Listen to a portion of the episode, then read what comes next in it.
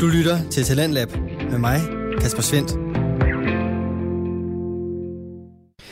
Velkommen tilbage til time 2 af aftenens program, som øh, i den grad byder på nørderi. Vi er startet med en omgang NFL-nørderi, når Chopblock podcast med Claus Nordberg, Philip Lind og Andreas Nydam dykker ned i ligaen for amerikansk fodbold og øh, dens spillerunde 18, som er den sidste spillerunde for den ordinære sæson, og øh, det er faktisk første gang nogensinde, at der er en spillerunde 18, fordi man har valgt at øh, udvide den ordinære sæson til 17 kampe. I den her spillerunde 18, der blev skæbner afgjort, og det er også blevet kaldt en af de bedste spillerunder nogensinde, fordi den var så vild og kaotisk. Og vi skal her vende tilbage til en af de kampe, der blev spillet, for Claus han taler om sit yndlingshold, Philadelphia Eagles, som godt nok fik et ordentligt nederlag mod Dallas Cowboys, men de er altså sikret slutspillet, så helt ondt gør det vist ikke på Claus. Hør med videre her. Hvor fanden vi starter Gardner Minshew. Øh, Hvilket, som, er en, hvilket er en klog beslutning. Ja, det... Prøv at forestille jer, prøv at forestille jer, Gardner Minshew ender i Browns. Gardner Minshew og Baker Mayfield er jo den samme spiller jo. Det har jeg jo ja. sagt længe. Ja. Så det kunne være sjovt, hvis han endte i Browns. Det kunne være sjovt. Men jeg tror Nå, nok, det, han har kontrakt på Philadelphia næste år også. Jamen, de kan da trade til ham. Ja. Det er ikke det. Men uh, vi spillede faktisk okay. Uh, vi kunne stadig løbe bolden i Philadelphia. Vi nåede lige knap de 150 yards, som vi ellers har gjort. Men det var jo Gainwell og Huntley, der løb primært bolden.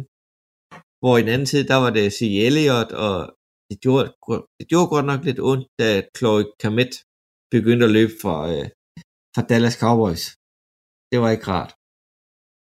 Han er en gammel Philadelphia-mand. Det, det, det gjorde ondt i sjælen. Han afgjorde en Super Bowl for os.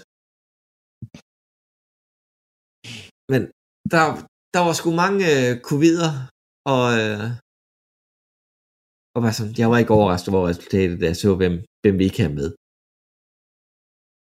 Um, og så er det jo så Jason Kelsey, som jeg var inde på tidligere, startede sin kamp nummer 122. Det er den aktive spiller, der har den tredje længste streak i NFL. Det er ret godt klaret som center. Uh, han spillede godt nok to, kun to spil, men han tog sig lidt tid både før og efter kampen lige til at mærke stadion. Så jeg tror, det skulle sidste gang, vi ser legenden på, på Lincoln Financial Field. Ja, ja. Ja, det tror jeg. Godt, du kan ja. ret i, faktisk. Der var allerede snak om det sidste år, men jeg tror, at, øh, at, at tiden er gået for, for ham af.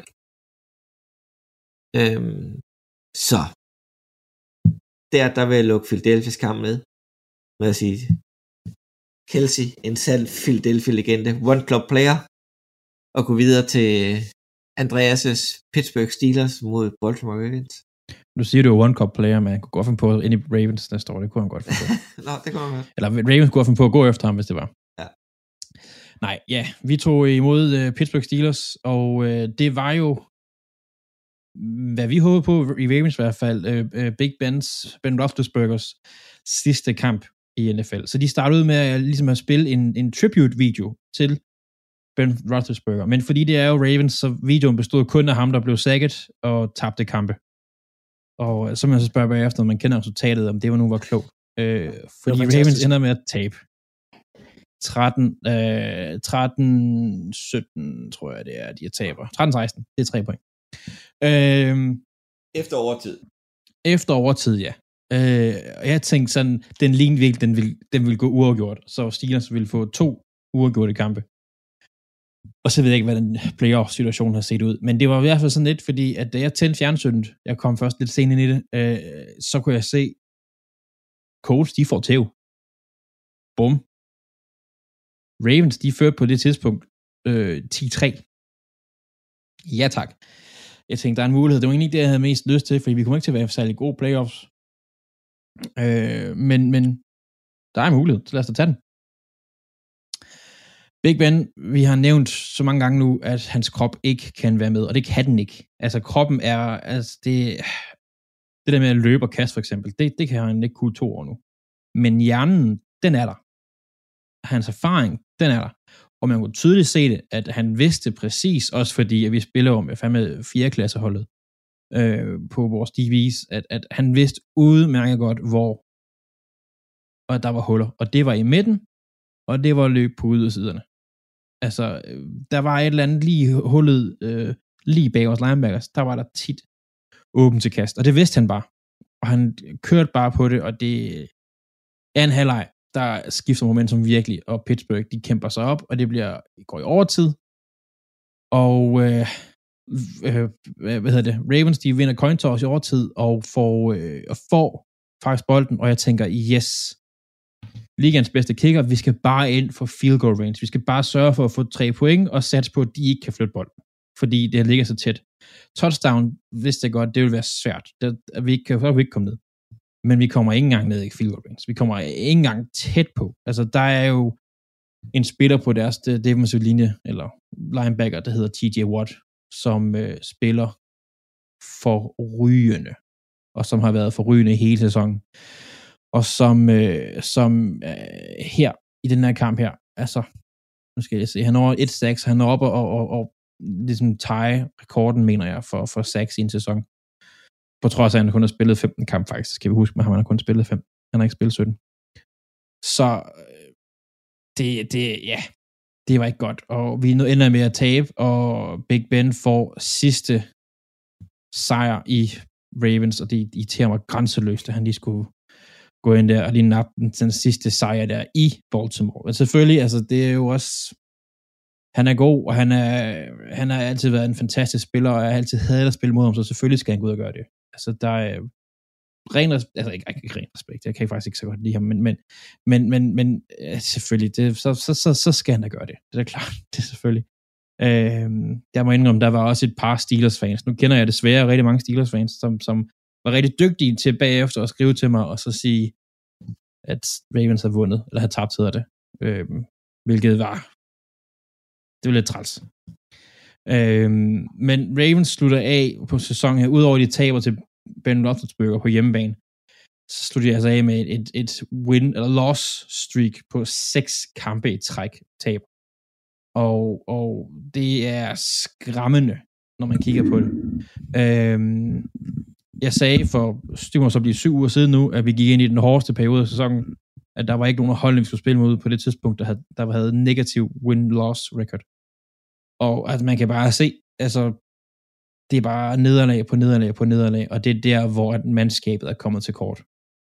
Med at vi har tabt rigtig mange kampe. Til gengæld, vi har tabt med sammenlagt 31 point, og 20 af dem er gået i en kamp til, øh, til, til Bengals, som bare var et, et det, der fik bare tæv i uge 16. Og ellers er det altså et point, to point, tre point, vi har tabt med hele tiden. Så, så vi skal bare næste år have vores spillere tilbage, skader, skadesfri, og så skal vi nok være der igen. Og forhåbentlig en, en, en god draft. Nu får vi sådan et semi-godt draft pick. Vi har ellers det her, som jeg hader, sådan en medio-sæson, 8 og 9. Altså, jeg hader det, fordi sådan et, det er jo ikke rigtig godt til, at man kan få et godt draft pick, og det er sådan heller ikke, man kommer ikke i playoff, det her, jeg hader det. Spil. Men øh, ja, vi kigger fremad. Vi øh, forhåbentlig bliver det bedre. Det håber jeg. Ja. Yeah. Men øh, videre forbi øh, Green Bay Packers, der var på besøg i Detroit Lions. Ja, lidt ligegyldig kamp. Øhm, Packers taber 30-37, så ja. De, de gør bare, at uh, Lions ikke får første, første overall, så lidt en Packers sejr alligevel, selvom de tabte. Øhm, Packers spiller, der starter de to første kvarter. Øh, Adams så får sin rekord for øh, flest yards, øh, og slår Jordan Nielsen. Han manglede 22 inden, og efter det så tager backupsene over. Det kan tydeligt set. Altså forsvaret spillede imponerende elendigt gennem hele kampen, både med starters og med backups. Øhm, det der outside contain, det føles som, jeg, jeg tror bare, jeg kan sætte sådan en repeat-bånd på mig selv, når jeg skal snakke om Packers forsvar. øhm, end arounds øh, og reverses og trick plays bliver de taget på hele tiden, og det er fordi, der ikke er noget outside contain. Øh, det, det er rigtig, rigtig skidt, øh, at det kan man ikke forstå og gøre noget ved. Øh, men det var også rasende bagefter på et pressekonference over og sagde, at øh, alle 11 mand, de skulle spille øh, og gøre deres job på forsvaret, og hvis ikke, så kunne de skrive ud af banen. Det er sådan et rimelig klart sprog, at nu skal man til at tage sig sammen på det forsvar. Øhm, Mason Crispy, Mason, Crispy, Mason Crosby vælger lige at øh, misse et ekstra point, bare lige for at, Det er ikke særlig crispy. minde om, at det special team stadigvæk er mindre godt. Øhm, det vigtigste for kampen fra Packers side af, der var ingen større skader. Øhm, så alle sammen burde være klar til at køre nu her. Øhm, ikke i den her runde, men næste runde igen er playoff. Hvis man kigger på Lions side, Amaran St. Brown er en kommende stjerne, hvis han ikke allerede vil nå det. Hold op, han er god. Han er den gode af de St. Brown-brødre. Øh, Economist St. Brown, ikke så god. Han kom ind sammen med resten af receiveren, eller resten af reserverne, og spillede mindre godt sammen med Jordan Love. Øhm, Jamal Williams, Packers gamle running back, havde også en rigtig god kamp, øhm, og Lions forsvar var rigtig godt. De havde faktisk rigtig godt styr på Devante Adams.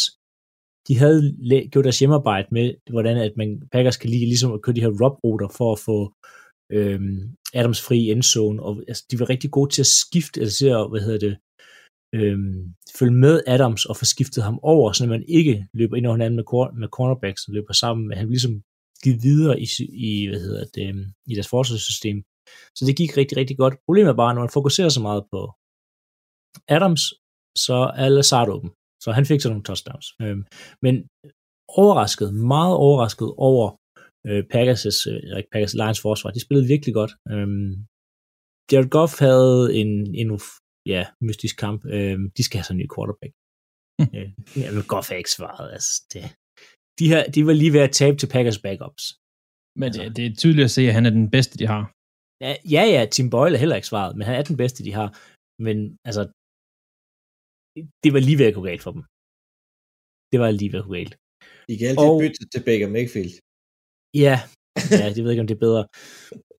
Øhm, det fedeste, man fik set Jordan Love igen, og det virker som, det var en smule bedre end øh, Kansas øh, City-kampen, men det er svært, når han kaster til, altså sådan som Jamal Winfrey, øh, Patrick Taylor, øh, Economy St. Brown. Altså, det, ja, det kan man ikke tage så meget af. Så en, ja, der blev spillet en fodboldkamp. Packers får lidt momentum med ind. Øh, det er fint videre. Men øh, Philip, øh, i, der kom jo nyhed frem, at øh, Darius, Darius Smith, han bliver aktiveret på sin øh, 21-dages øh, træningsperiode. Ja, han, øh, han må begynde at træne med igen nu her. Øhm, så øh, det var faktisk noget, jeg faktisk snakke om senere. Men det ser ud til, at øh, Darius Smith og øh, oh, det vigtige for Bakhtiari, øh, left tackle, han spillede 22 snaps den kamp her. Meget, meget vigtigt. Jerry Alexander nåede ikke at spille, men han ser ud, eller han 90% sikker på, at han bliver klar til øh, playoff, og så Darius Smith også kan komme tilbage, så begynder forsvaret måske at kunne lide noget, der kan stoppe et eller andet. Et eller andet. Noget, eller andet. som ikke er Lions. Men øh, det, er, det er jo spændende med, at I får folk tilbage fra skader, hvor andre de bare bliver ved med at gå ned. Men det, det er god timing. Men øh, så går vi tilbage til quizzen. Og min øh, fremragende, øh, mest indesigende quiz, i hvert fald med den mest indesigende position. Hvem har flest starter i træk som right tackle? Andreas, du får et bud, og så får Philip, så får I lige en ledtråd. okay. Jeg har ingen idé, så jeg, jeg tager den, som jeg ved har spillet rigtig meget øh, right tackle. Øh, Michael Oher. Nej, mm. Godt bud. det er det ikke. Jamen, jeg, jeg, jeg aner det heller ikke, så jeg tænker, jeg tager en for Packers. Øh, jeg ved, Mike Faucher, han har spillet right tackle i sådan noget alene 10 år for Packers, så- men han var også skadet en gang imellem. Ja, mm, det er det heller ikke. Uh, han, han har en søn, der spiller i NFL. Det er der mange, der har. Jeg har et bud. Kom med det, Philip. John Jeg har Runyon. Det er korrekt, Philip. Hvem? John Runyon, John Runyon Jr. er, hvad hedder det, linjemand for Packers. Han spiller guard. Ah, Du kan ikke Claus. John Det er jo klart, at jeg bliver med at tabe de her quizzer her, hvis du vil vælge nogen, der er Packers-spillere. Altså, for... John Runyon Senior startede to, 213 kampe i træk for op. Tennessee Titans og Philadelphia Eagles. Jeg aner intet omkring John Runyon. udover at han er- var en um, god line, eller god øh, linjemand, og så er hans søn spiller for Packers. det, er, altså, det, det er den Han er eneste, Philadelphia. det, det er den eneste, hvad hedder det, øh, far-søn-kombo, jeg kender på linjen. Det er John Runyon og John Runyon Jr. Ej, der er Matthews. Jamen, de spiller ikke begge to, øh, altså de Clay Matthews, han er jo, Nej, Jake Matthews. ja, Bruce Matthews, han var også en offensiv linjemand. det kan jeg godt bilde mig ind. Men, men, men ellers var jeg ude, jeg skulle lave en med, øh, med, med linebackers. Men det var bare lidt kedeligt. Det er London Fletcher. Nej, han er ikke kedelig. Nej, han er nice. Nej, det er bare på grund af, at han er Washington-spiller, så vil jeg ikke tale for meget om ham. Yes, jeg, jo- jeg laver en quiz til næste uge. Nu laver jeg en Det er quiz godt. til næste uge. det er godt. Nu synes jeg, nu, nu, nu inden vi lige begynder på alt for meget her, ikke? inden vi går videre, for jeg vil også have lidt redemption. Jeg regnede ud, Philip, Mm. at hvis jeg ikke valgte nogen picks i den her uge her, og ikke valgte nogen picks picks nu. i hele playoff, så vil jeg stadigvæk have flere end dig. Ja. Giv det, du gætter, du, giv, det, du gætter alle rigtige. Så. Og det gør jeg. Nu playoff. That's my time to shine. Du lytter til Radio 4. Du er skruet ind på programmet Tendens Lab, hvor jeg, Kasper Svens, i aften kan præsentere dig for tre afsnit fra Danske Fritidspodcast. Vi er stadig i gang med det første, som øh, kommer fra Chopblock podcast. Den består af Claus Norberg, Philip Lind og Andreas Nydam. Vi vender her tilbage til deres seneste afsnit, hvor Philip han ser videre på de kommende kampe, der er de første i den her sæsons slutspil, der kaldes Wildcard-runden. Ja, øh, jeg skulle lige, jeg sad og kiggede på 49ers Cowboys, den skal da ikke spilles. Nå, øh, ja, Ra- Raiders Bengals, den kommer nok til at minde rigtig, rigtig meget om, øh, om hvad hedder det, om den kamp Raiders lige har spillet, fordi det begge holds, man kan sige, styrker ligger i deres angreb. Øh, Bengals forsvar er lidt bedre end Chargers forsvar. øh, men det bliver rigtig spændende. Det bliver to offensive. Jeg går ud, det bliver en højtskårende kamp, det her. Øhm, og, og det bliver spørgsmål, om Raiders kan følge med, men de kommer jo ind med kæmpe momentum nu. Øhm, og lidt sjovt, at John Gruden skulle skrive, for at de kunne komme i playoff. Øhm, Ja. Ja. Der er jo faktisk en sjov detalje.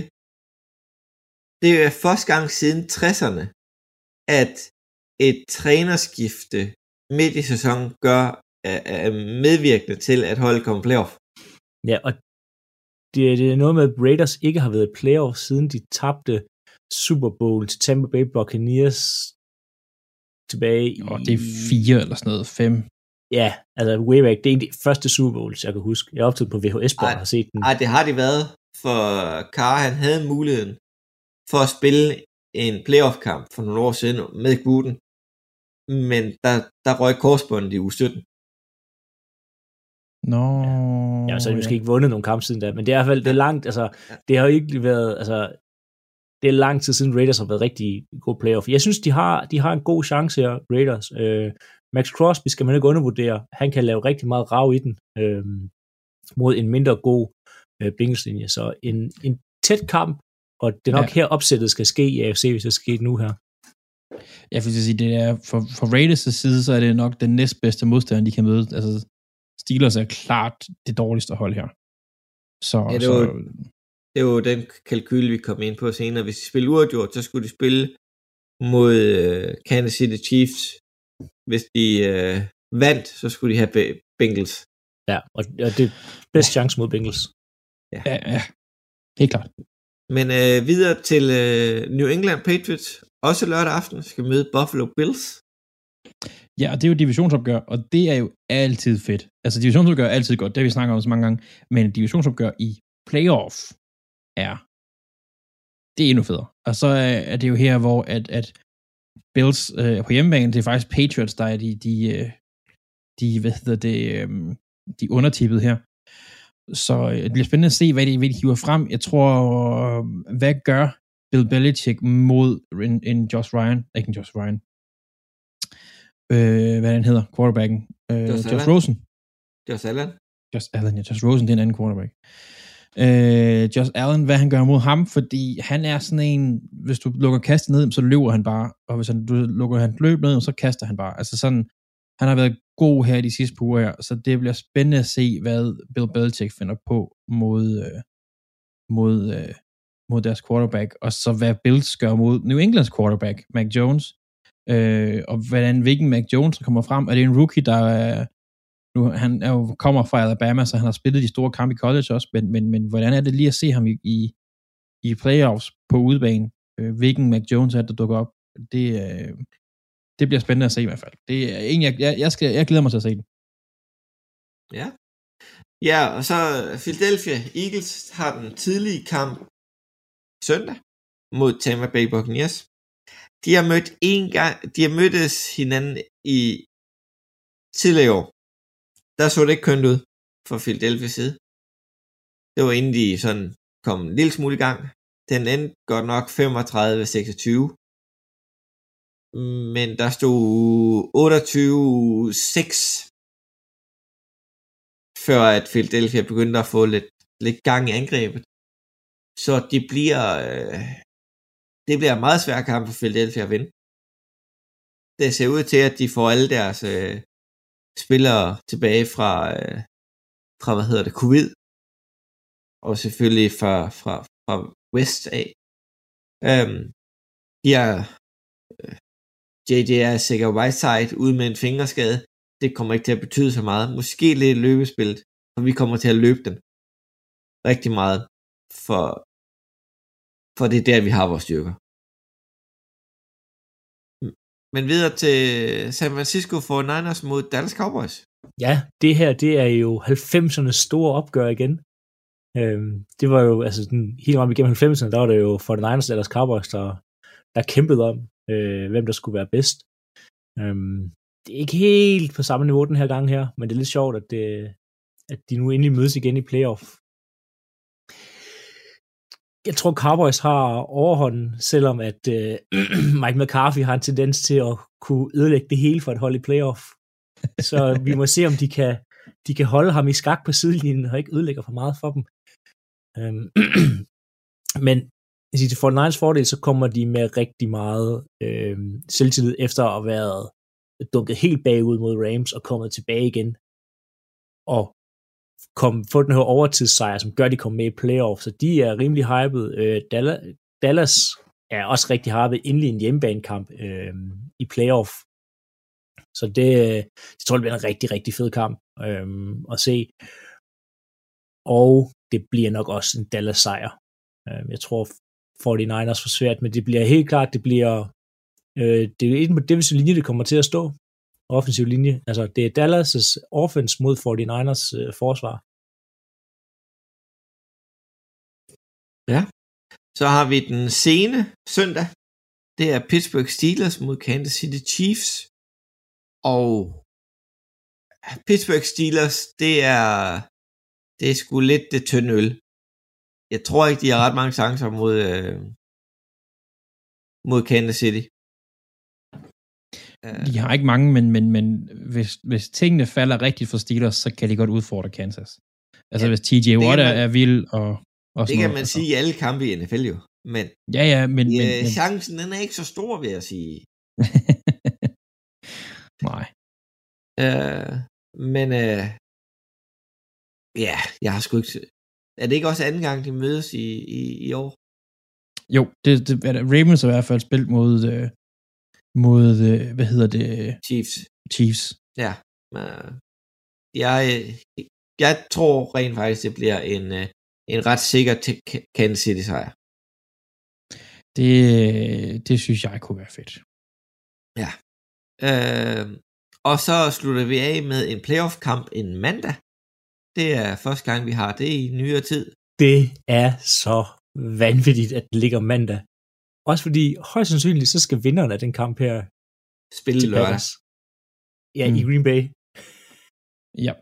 Det kan se, nu lige hurtigt, øh, de spillede mod, faktisk spillede mod Chiefs i uge 16, og de fik tæv. Ja. Packers. Nej, ikke Packers. Øh, Øh, øh, hvad hedder det? Steelers. Steelers. Ja. Men, øh, men den mandagskamp, det er Arizona Cardinals mod Los Angeles Rams. Ja, det er jo endnu et dimensionsopgør. Og øh, jeg har skrevet som, som headline til den her, har jeg skrevet rundens bedste opgør. På papiret er der i hvert fald mulighed for, at det kan blive enormt, enormt, enormt, enormt fedt og spændende. Og ja, at den ligger en mandag, er så træls. Øh, i, af, af mange øh, muligheder, altså hvad hedder det, mange grunde. Vi plejer at optage mandag aften, det vil sige, vi, vi har ikke den her med, men vi vælger at gøre det i tirsdag. Øhm, for det er sådan en kamp, sådan en, hold da op, den bliver spændende. Chargers, øh, Cardinals, undskyld, startede sæsonen ud helt vildt stærkt, og har faldet lidt af på den på det seneste, lidt som de vi også måske havde forudset, lidt de ville gøre. De går ind i playoff Cardinals med, at de har tabt fire ud af de sidste fem, hvor Rams går i playoff, hvor de har vundet fire ud af de sidste fem. Øh, Rams er også på hjemmebane, så, så jeg vil give Rams en, en lille fordel her, men Cardinals, hvis de øh, spiller op, altså, det, altså ja, hvis de bare spiller rigtig godt, så, så kan de sagtens tage den. Cardinals er absolut ikke et hold, man skal, man skal, man skal kæmpe sig overhovedet.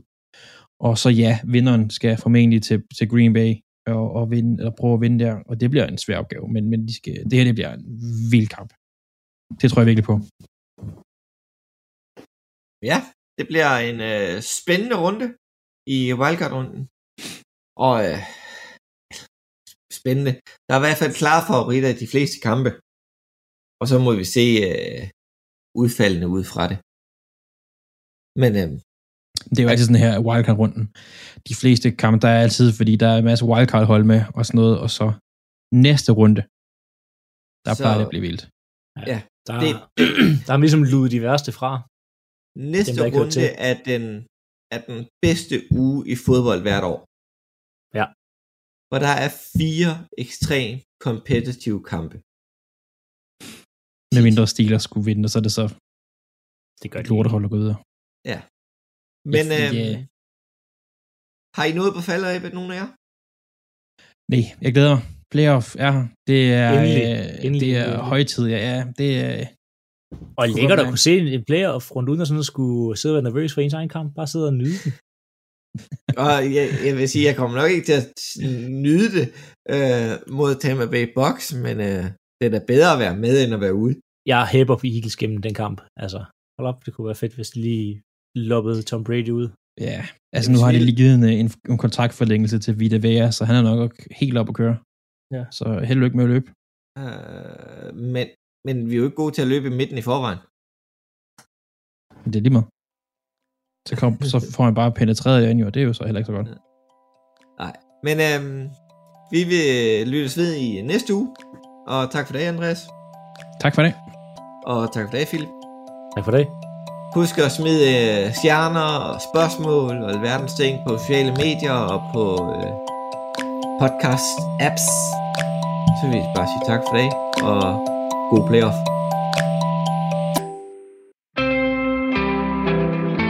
Til Talentlab med mig, Kasper Svendt.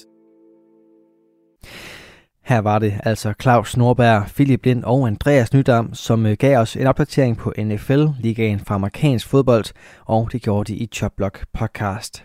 Det var den første danske fritidspodcast, jeg kunne præsentere for dig her til aften, og øh, hvis du vil øh, vende tilbage til den her dejlige NFL-nørderi, jamen så står trioen klar til dig som noget af det første i næste uge, og øh, gør dig opdateret på, hvordan det så gik i de her wildcard-kampe. Men vi skal altså videre her i aftenens program, og det skal vi med frygteligt fascinerende en podcast med Maria Kudal. Og vi skal nu fra en masse nørderi ind i en eller anden fantastisk sport, til øh, nørderi ind i det, der både skræmmer og lokker. For Maria, hun laver neddyk i begivenheder, fænomener og øh, personer, der på godt og ondt er lidt spændende at høre om.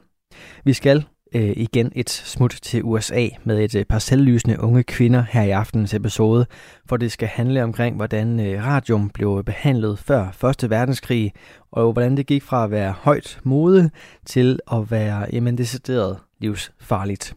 Hør med her. Du er 19 år gammel, og du er til bal i byen for at danse. Året er 1917, og du bor i New Jersey. Det er fredag aften, og du skal ud og have det sjovt. Og du har nok at fejre, for du er ung og smuk, og så har du et godt og velbetalt job, som du har været meget heldig at få. Faktisk tjener du mere på dit job, end nærmest alle andre, du kender, i den arbejderforstad, hvor du bor. Også mere end mændene. Du har den samme kjole på, som du har på på arbejde. Og det er ikke tilfældigt, eller fordi du ikke har andre kjoler. Det er helt bevidst. Du har taget din bedste kjole på på arbejde, fordi du har opdaget noget lidt ejendommeligt, der sker med det tøj, du har haft på på fabrikken. Når du går ud i det om aftenen, så er det som om, det har et skær over sig. Det bliver selvlysende. Og når du går ud og danser, så lyser du i mørke. Og siden du har opdaget det, så er det som om, det har været en lille smule sjovere at gå i byen. Du har sagt det til din søster, som også arbejder på fabrikken, og hun er begyndt på at gøre det samme. Og inden I går hjem om fredagen, så smører I en lille smule af den overskydende maling, som I bruger på fabrikken, over tænderne med en finger. Så jeres smil er ekstra hvide. For der er ikke noget som helst farligt ved den maling. Det har jeres fabriksleder selv sagt. Og hvem vil ikke gerne have et blændende smil og en kjole, der lyser i mørke? Velkommen til det her afsnit af Frygteligt Fascinerende, hvor vi dykker ned i historien om de selvlysende radiumpiger. Frygteligt Fascinerende er et podcast om alt det frygtelige, som alligevel fascinerer os. Her nørder vi helt ned i detaljen med nogle af de mest opsigtsvækkende og uhyggelige fænomener og begivenheder i historien. Velkommen til. Selvlysende piger. Spøgelsespiger. Radiumpiger.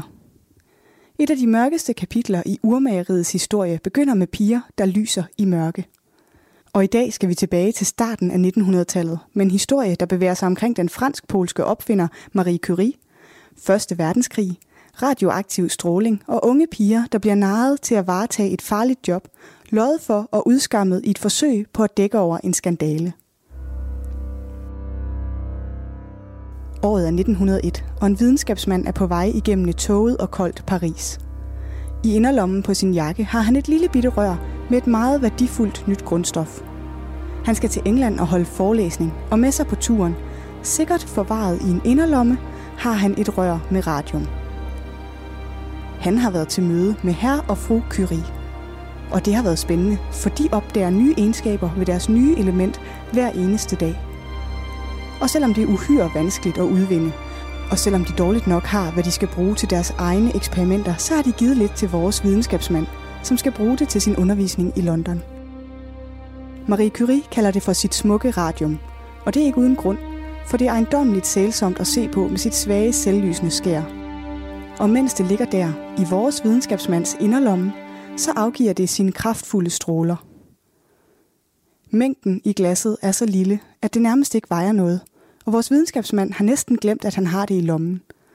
Og da han flere dage senere står på sit hotelværelse i bar overkrop og kigger sig i spejlet, så kan han ikke forstå, hvad det er for et mystisk brændemærke, han har på sit bryst. For selvom videnskabsmanden har glemt alt om radiumet, så har radiumet ikke glemt ham. Kun få år forinden har Marie Curie opdaget det nye grundstof, og det har hurtigt forført hele den vestlige verden. Det bliver populært kaldet for flydende solskin, og det skrives ind i alt fra teaterstykker til noveller. Det får ry som både en ungdomseleksir og mirakelkur mod alt fra allergi til kraft. Men det er hundedyrt. Og selvom der markedsføres både sminke, smør, tandpasta, mælk og medicin med radium, så er det de færreste af produkterne, der rent faktisk indeholder det radioaktive stof. Heldigvis. Men et sted, hvor der rent faktisk findes radium, er på den fabrik, hvor du lige har fået arbejde. Det er derfor, malingen gør dig selvlysende. En anden, der lige er startet i jobbet, er Emilia Magia med kælenavnet Molly. Emilia Molly Magia er kun en stor teenager, da hun starter i sit nye job på urfabrikken. Og det er et godt job for en pige som hende, for hun har kun sin folkeskoleuddannelse, ligesom de fleste andre arbejderklassepiger i området. For i starten af 1900-tallet er der ikke så mange muligheder for kvinder. Og jobbet på urfabrikken betaler næsten tre gange så meget som det gennemsnitlige fabriksjob. Så Molly er glad for sit arbejde. På sin første dag kommer hun ind gennem fabrikkens døre til et nærmest fortryllende syn. På ræd og række sidder der piger og maler urviser og tal med en lille bitte pensel. De sidder ved massive borde i en stor rå fabrikshal, og deres hænder bevæger sig lynhurtigt til det detaljerede arbejde – hver malerpige har en lille bakke med de færdiglavede urskiver og visere med blanke hvide tal på en sort baggrund. Men det virkelig bemærkelsesværdige ved situationen er det, som pigerne maler med. Radium. Det nye mirakelelement. Det er ret fortryllende at se på, for det er selvlysende. På fabrikken blander pigerne deres egen maling. De drysser en lille bitte mængde radiumpulver i en blandingsbeholder og tilføjer bindingsmiddel og vand. Tilsammen bliver det til en selvlysende maling. Pulveret indeholder kun en ganske lille smule radium. Det er blandet op med zinksulfat for at få det selvlysende skær, og effekten er virkelig enestående. Pulveret ender alle steder i fabrikslokalet. Det lander på gulvet, på bordene og på pigerne.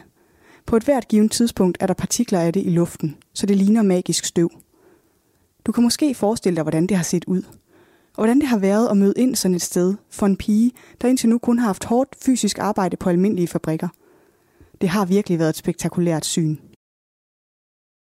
Molly møder ind på fabrikken og maler urviser med en lille bitte pensel sammen med sine kvindelige kollegaer. De mindste af ugerne har viser, der ikke er mere end få millimeter brede, og pigerne oplæres derfor i en teknik, som vi kalder lip dip paint. Selvom pigerne bruger små ultrafine pensler, træpensler med kamelhår, så har de alligevel brug for at samle penslernes hår, før de kan udføre det detaljerede malerarbejde. Og som du måske nok har gættet, så er lip dip paint en teknik, hvor man lige spidser penslen til med læberne, før man dypper den i malingen. Og vores malerpiger, de ved det ikke på det her tidspunkt. Men i Europa har radiummaling været brugt til at male urskiver i næsten et årti, og fra fabrik til fabrik varierer teknikken. Men ingen andre steder end i USA bruger de munden til at spidse penslerne til. Nok fordi de mange steder slet ikke bruger pensler, men små nåle eller minivatpinde eller tilspidsede træpinde. Men måske også fordi man allerede på det her tidspunkt har haft en anelse om, at det ikke er alt for smart at indtage for meget radium. Og som jeg fortalte i starten, så går pigerne på arbejde i deres eget tøj. Ikke fordi der ikke stilles arbejdstøj til rådighed. Det er et valg, de tager. For det fine, selvlysende radiumstøv, der er overalt på fabrikken, det ligger sig også på deres tøj. Så når de går fra arbejde om aftenen, så lyser det tøj, de har haft på. Og det betyder, at malerpigerne får lidt et ry, for når de går i byen, så skinner de. Og hvem vil ikke gerne det? Behovet for malerpiger stiger stødt i forbindelse med den første verdenskrig, hvor efterspørgselen på de selvlysende uger stiger. De er gode til soldater, der skal i krig, fordi de så kan aflæse klokken under alle slags forhold, og uden at behøve at tænde andet lys. Så pigernes job er, udover at være velbetalt og med den frønsegode, at deres tøj bliver selvlysende, også prestigefyldt. De bidrager til krigsindsatsen. Og det er eftertragtet. Men det bliver det ikke ved med at være, for i løbet af relativt få år går radium fra at være et mirakelmiddel til kryptonit, og det hele begynder med en tandpine. Vores malerpige Molly går til tandlægen med en frygtelig smerte i den ene kindtand en efterårsdag i 1921. Hun får tanden trukket ud, men mere end en måned senere er hullet ikke helet, og flere af hendes andre tænder er løsnet, og hun har frygteligt ondt. Der går ikke længe, før hendes mund er tømt for tænder, og stakkels Molly kan hverken spise eller tale. Ved et af hendes mange besøg hos byens tandlæge knækker en fli af hendes skrøbelige kæbeknogle, og tandlægen piller forskrækket knoglestykket ud af munden på Molly, der er ved fuld bevidsthed. En septemberdag i 1922, året efter hendes første bekymrede tandlægebesøg, begynder Molly at styrtbløde fra munden, og det lykkes ikke at stoppe blødningen. Hun dør senere samme dag, 24 år gammel. Den officielle dødsårsag noteres som syfilis. I løbet af 1920'erne dør hundredvis af malerpiger efter månedlange pinsler med eroderede knogler, betændte sår, blodmangel og kraftsvulster. De unge kvinders arbejdsgiver benægter i flere år hårdnakket, at der skulle være en sammenhæng mellem radiomalingen og kvindernes sygdom og død. Efter fabrikken i 1924 fandt det nærmest umuligt at rekruttere nye urmalere, og efter at de selv påstår, at deres problemer skyldes hårdnakkede rygter og slader i lokalsamfundet, så beslutter de endelig at iværksætte en uvildig undersøgelse af deres maling. Og da resultaterne kommer tilbage, så viser det ikke overraskende, at kvindernes sygdom er forårsaget af deres arbejde med den radioaktive maling. Chok. Men som hver en god virksomhed beslutter United States Radium Corporation, at de hellere vil betale for nye undersøgelser, end at indrømme, at de har forårsaget sygdom og død. Glimrende. Så de sætter gang i nye undersøgelser, som frikender dem for ansvar og radium fra at være dødbringende. Deres publicity-strategi er offentligt at tale om deres tidligere ansatte som grådige piger, der bare prøver at skyde skylden på en tidligere arbejdsgiver for at få dækket deres udgifter til hospitalsregninger og behandling. Med resultaterne af de uvildige undersøgelser faret ind under gulvtæppet, står vores radiumpiger i lidt af en kattepine. For de har svært ved at bevise det, som de ved er tilfældet. Nemlig at de er blevet syge af deres arbejde på fabrikken. De kæmper mod en bred almen opfattelse af, at radium er godt og sikkert. Og faktisk sundt. Du husker nok, at det blev markedsført som et luksushelseprodukt. Og netop fordi det blev brugt i kraftbehandling, var der en ret udbredt opfattelse af, at det generelt har sundhedsfremmende egenskaber – Faktisk er det først, da en af fabrikkens mandlige ansatte dør med mystiske symptomer i 1926, at der for alvor kommer skub i en officiel undersøgelse af forholdene på fabrikken og egenskaberne ved radiomaling. For ind på banen kommer patologen Harrison Martland, og han er ret vild, for han kaster sig ind i kampen på radiumpigernes side, og det bliver ham, der i 1926 udvikler en test, der beviser, at det er radiumforgiftning, der er årsagen til kvindernes sygdom og død og han bruger også kræfter på at undersøge mekanismerne og forklare kvindernes forløb. Martland er ret cool, for han er tidligt overbevist om, at radium kan være farligt, og hans undersøgelser viser, at når radium indtages i kroppen, i selv bitte små mængder, så er konsekvenserne virkelig alvorlige. Det radium, som pigerne indtager gennem deres pensler, lejrer sig i kroppen, hvor det afgiver en konstant radioaktiv stråling. Den udhuler deres knogler, bogstaveligt talt, Martland beskriver, hvordan indersiden af pigernes knogler bliver hullet som bikuber, mens de stadig er i live. Det angriber overalt i kroppen, og pigerne får skader i deres rygsøjler, ben og rigtig mange i deres kæbe og tænder. Desværre for de piger, der stadig er i live på det her tidspunkt, så giver det nogle ret deprimerende fremtidsudsigter. For der er ikke rigtig noget at gøre ved den strålingsskade. Og som et uhyggeligt forvarsel om, hvad der venter, begynder pigerne at opdage et spøgelsesagtigt skær omkring deres krop – for deres eroderede knogler lyser op af det radium, der har lagret sig i dem, og det skinner svagt ud gennem deres hud. Flere kvinder fortæller om, at de opdager, at de har radiumforgiftning, ved at de får et glimt af sig selv i et spejl om natten. Og det, der kigger tilbage på dem fra spejlet, er en spøgelsespige med et svagt lysegrønt skær omkring sig. Og når man ser sådan ud, så er en skæbne altså besejlet. Det går kun en vej. Martland har poetisk kaldt det lyset, der ikke lyver, man kan ikke fjerne radium fra knogler. På trods af de her nye og ret alvorlige fund, så er der et stort tilbageskub fra radiumindustrien.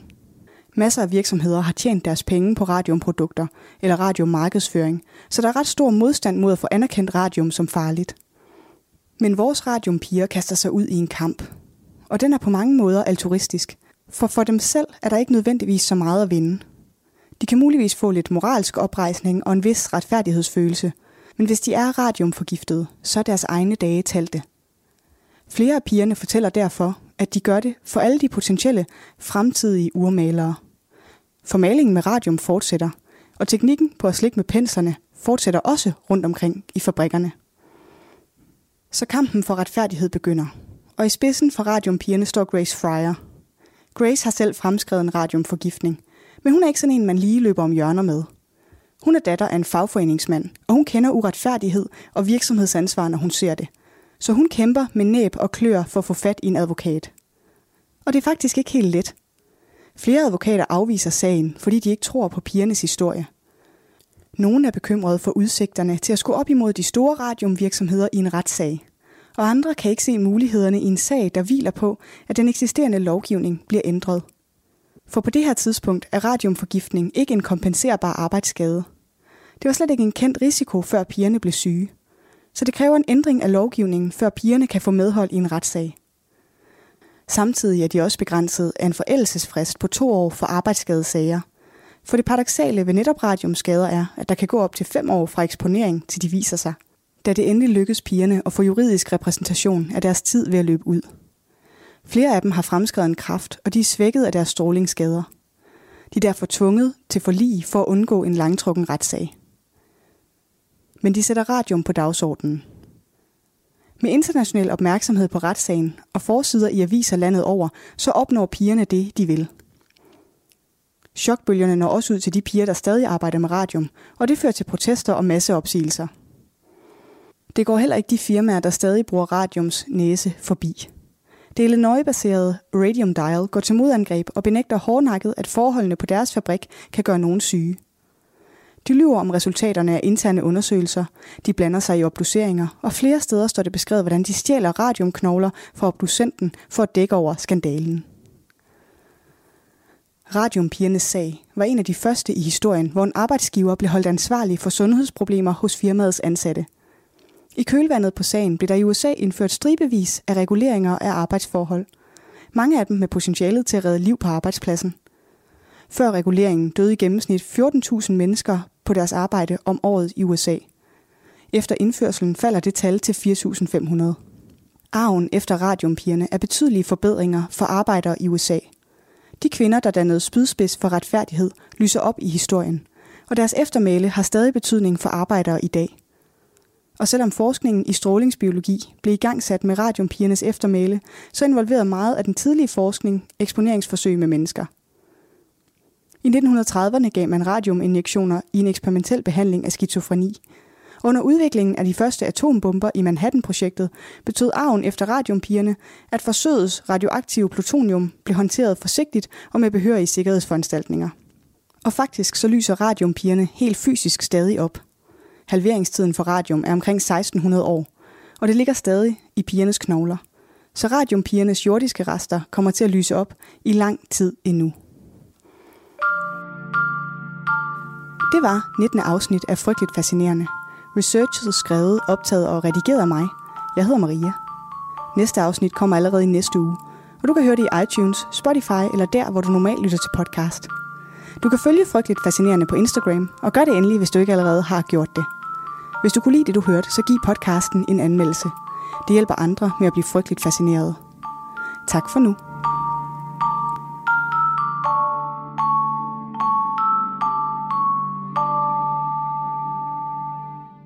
I researchen til afsnittet har jeg brugt oplysninger fra Weekendavisen, The Radium Girls, The Dark Story of America's Shining Women, Newsner, The Telegraph, The Guardian, Britannica, BuzzFeed, The Inquirer og Horrorbox.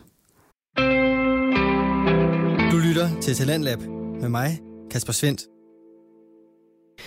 Det var aftenens afsnit fra Frygteligt Fascinerende med Verden Maria Kudal. Der ligger yderligere 30 afsnit fra podcasten her, både som det her, og øh, så også nogle kort fortalsepisoder, hvor fænomenet er skrumpet ind til et par minutter. Maria hun dykker altså videre ned i de her emner, som øh, både skræmmer og lokker, og øh, det er det, du kan finde mere af inde på din foretrukne podcast tjeneste. Derinde der kan du også finde aftenens lille øh, vip med halen i form af podcasten Syndige Lyster, som er lavet af Alice Karberg, Laura Guldal, Karl Emil Freitag og Nils Arke. Syndige Lyster, det er en øh, podcast, som øh, består af en lille sjov gætteleg om alt det, vi jo egentlig ikke bør skamme os over, men måske gør lidt alligevel. Podcasten byder på forskellige gæster, som øh, er inde og fortælle omkring deres syndige lyst, og så er det så op til os at gætte, hvad delen der egentlig bliver talt om. Hør med og gæt med lige her. Hvor, hvor ofte skal du øh, i gang? Hvor skal du i gang med det beskidte?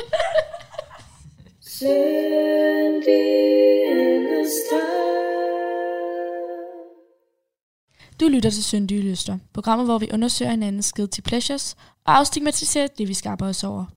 I dag har vi Arthur med, som er en af mine bedste venner. Vi lærte hinanden at kende tilbage i folkeskolen og har været bedste venner i 3-4 år. Tak fordi du vil være her i dag, Arthur. Vi vil starte med at spørge dig, hvor længe du har været bevidst om din syndige lyst. Uh, jamen, øh, det startede cirka for 6 måneder siden, så, øh, så ja. Det var en meget ny lyst. Ja. Den nyeste, vi har haft indtil videre. Jamen, det, det kom også lidt tilfældigt. Så øh, måtte jeg lige eksperimentere, så jamen, øh, 6 måneder siden simpelthen. Cirka. Hvordan opdagede du, at du rent faktisk havde sådan den her syndige lyst i dig? Uh, jamen, øh, det var egentlig sådan lidt en øh, kedelig dag, og så tænkte jeg, at jeg måtte øh, eksperimentere lidt. Og så, øh, jamen, lidt forskellige bum bum bum, og så øh, endte det egentlig lige pludselig med en, øh, en guilty pleasure. Hvad er det, du godt kan lide ved din guilty pleasure? Uh, det er sådan en, øh, den er rigtig snasket, og sådan, øh, man bliver bare i godt humør, og det kan virkelig gøre, øh, gøre sådan ens dag i meget bedre, synes jeg. Så det giver lige, øh, det giver lige et højdepunkt på dagen. Det gør det altså. Spændende. Men hvor tit gør du så der i din syndige lyst? Er det hver dag, eller? Nej, det er ikke, øh, det er ikke helt hver dag. Det er næsten for, for meget og for beskidt. Men, øh, men måske en, øh, en gang om ugen, en, en weekend måske, tit kan det godt være. Jeg lige øh, ender med det. Hvornår bliver det for meget for dig?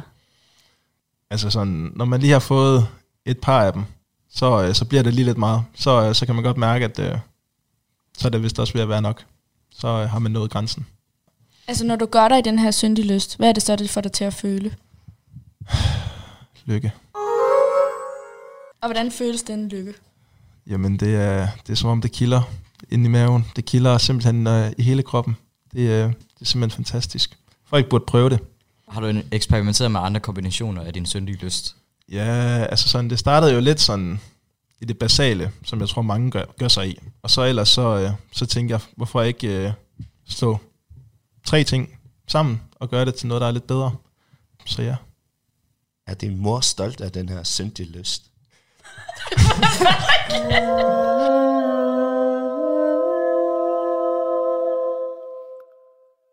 Øhm. Uha. Øhm, det tror jeg sgu ikke. Jeg tror faktisk øh, næsten, hun, øh, hun skammer sig lidt. Nej, det gør hun ikke. Hun synes, det er lidt sjovt, tror jeg. Det er lige før Hellemor, hun skammer sig mere, end du gør. Ja, jeg tror faktisk også, øh, hun, er ikke helt, øh, hun er ikke helt med på den. Det er hun ikke. Men det er vel hende, der køber ind til det. Det er det jo, faktisk. Men jeg tror også, jeg prøver lidt at, at undvige den. Så sådan, jeg prøver lige, når hun ikke er hjemme, og nu er jeg jo så flyttet ud selv, så, øh, så kan man ligesom lave den, når, når hun ikke er der. Det bliver lige, øh, man får lige et skævt øje, når øh, gør det. I hvilket omfang skammer du over din syndige lyst? Åh, oh, ja. Jamen, øh, ej, jeg tager det også lidt med et smil. Jeg synes, det er, det er lidt sjovt, og det er lidt hyggeligt. Så det er ikke sådan noget, jeg, øh, jeg virkelig skammer mig over. Jeg synes, det er lidt sjovt. Gør du det nogensinde, mens du er sammen med andre? Ja, det gør jeg. Ja, hvis ingredienserne de står på bordet, så, øh, så er jeg ikke bleg for lige at lave en øh, sådan en lille en. Og har dine venner prøvet det? Nej, faktisk ikke. Men øh, det kunne faktisk være en god idé lige at få, øh, få dem præsenteret for det. Kan, kan dine venner finde på at fyre en lille kæk kommentar af, når du, når du gør dig i den? Ja, de, de, de kigger lige og tænker, hvad fanden, øh, hvad fanden er det for noget, du bevæger dig rundt i der? Men øh, de, øh, jeg tror, de griner lidt af det og synes, det er lidt, øh, lidt sjovt. Nu er du jo flyttet øh, hjemmefra, som du sagde. Sker det så øh, oftere nu? Ja, det, det er lige, nu her lige, hvor jeg lige i starten er flyttet hjemmefra, så kan det godt ske øh, et par gange om ugen. Hvor meget vil du sige, det er sådan i drift at have den her syndige lyst? Nu læser jeg jo selv økonomi, så jeg er bevidst om min situation, for at det ikke skal være løgn. Men, øh, men nej, det, øh, det er ikke fordi, det trækker stort i budgettet, lad mig sige det sådan. Okay. Men øh, hvor mange penge bruger du så cirka på det her? Uha, 50 kroner i måneden måske? Ah, lidt, måske lidt mindre. Lidt, ah, mindre nok. Ja, Ja. Okay. Det der er en syndig lyst, der godt kan lade sig gøre. Ja. Altså, det er, det er, SU. til lytterne, så er det en uh, finansiel god investering. Ja. Ikke Public dyrt. service. Ja, præcis.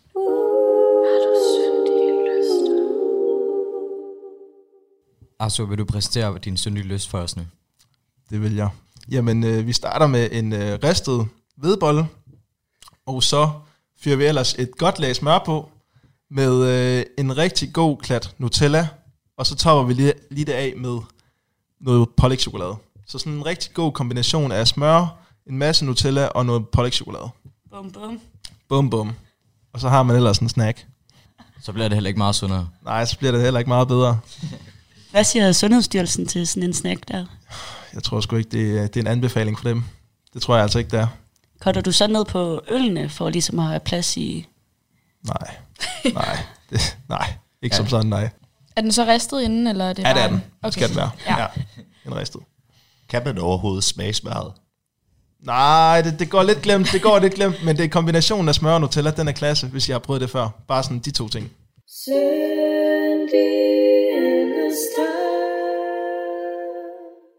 Tusind tak, fordi du var med i vores podcast. Selv tak.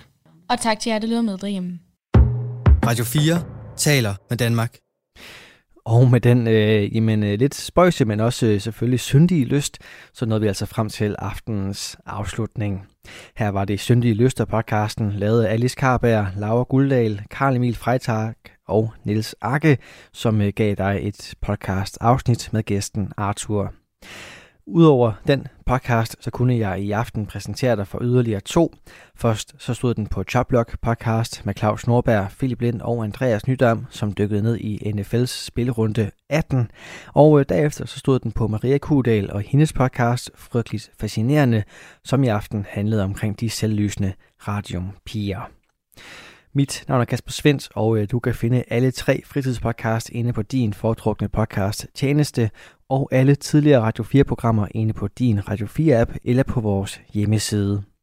Nu er det blevet tid til nattevagten her på kanalen, så tilbage for mig er egentlig bare at sige god fornøjelse og på genlyt en anden god gang.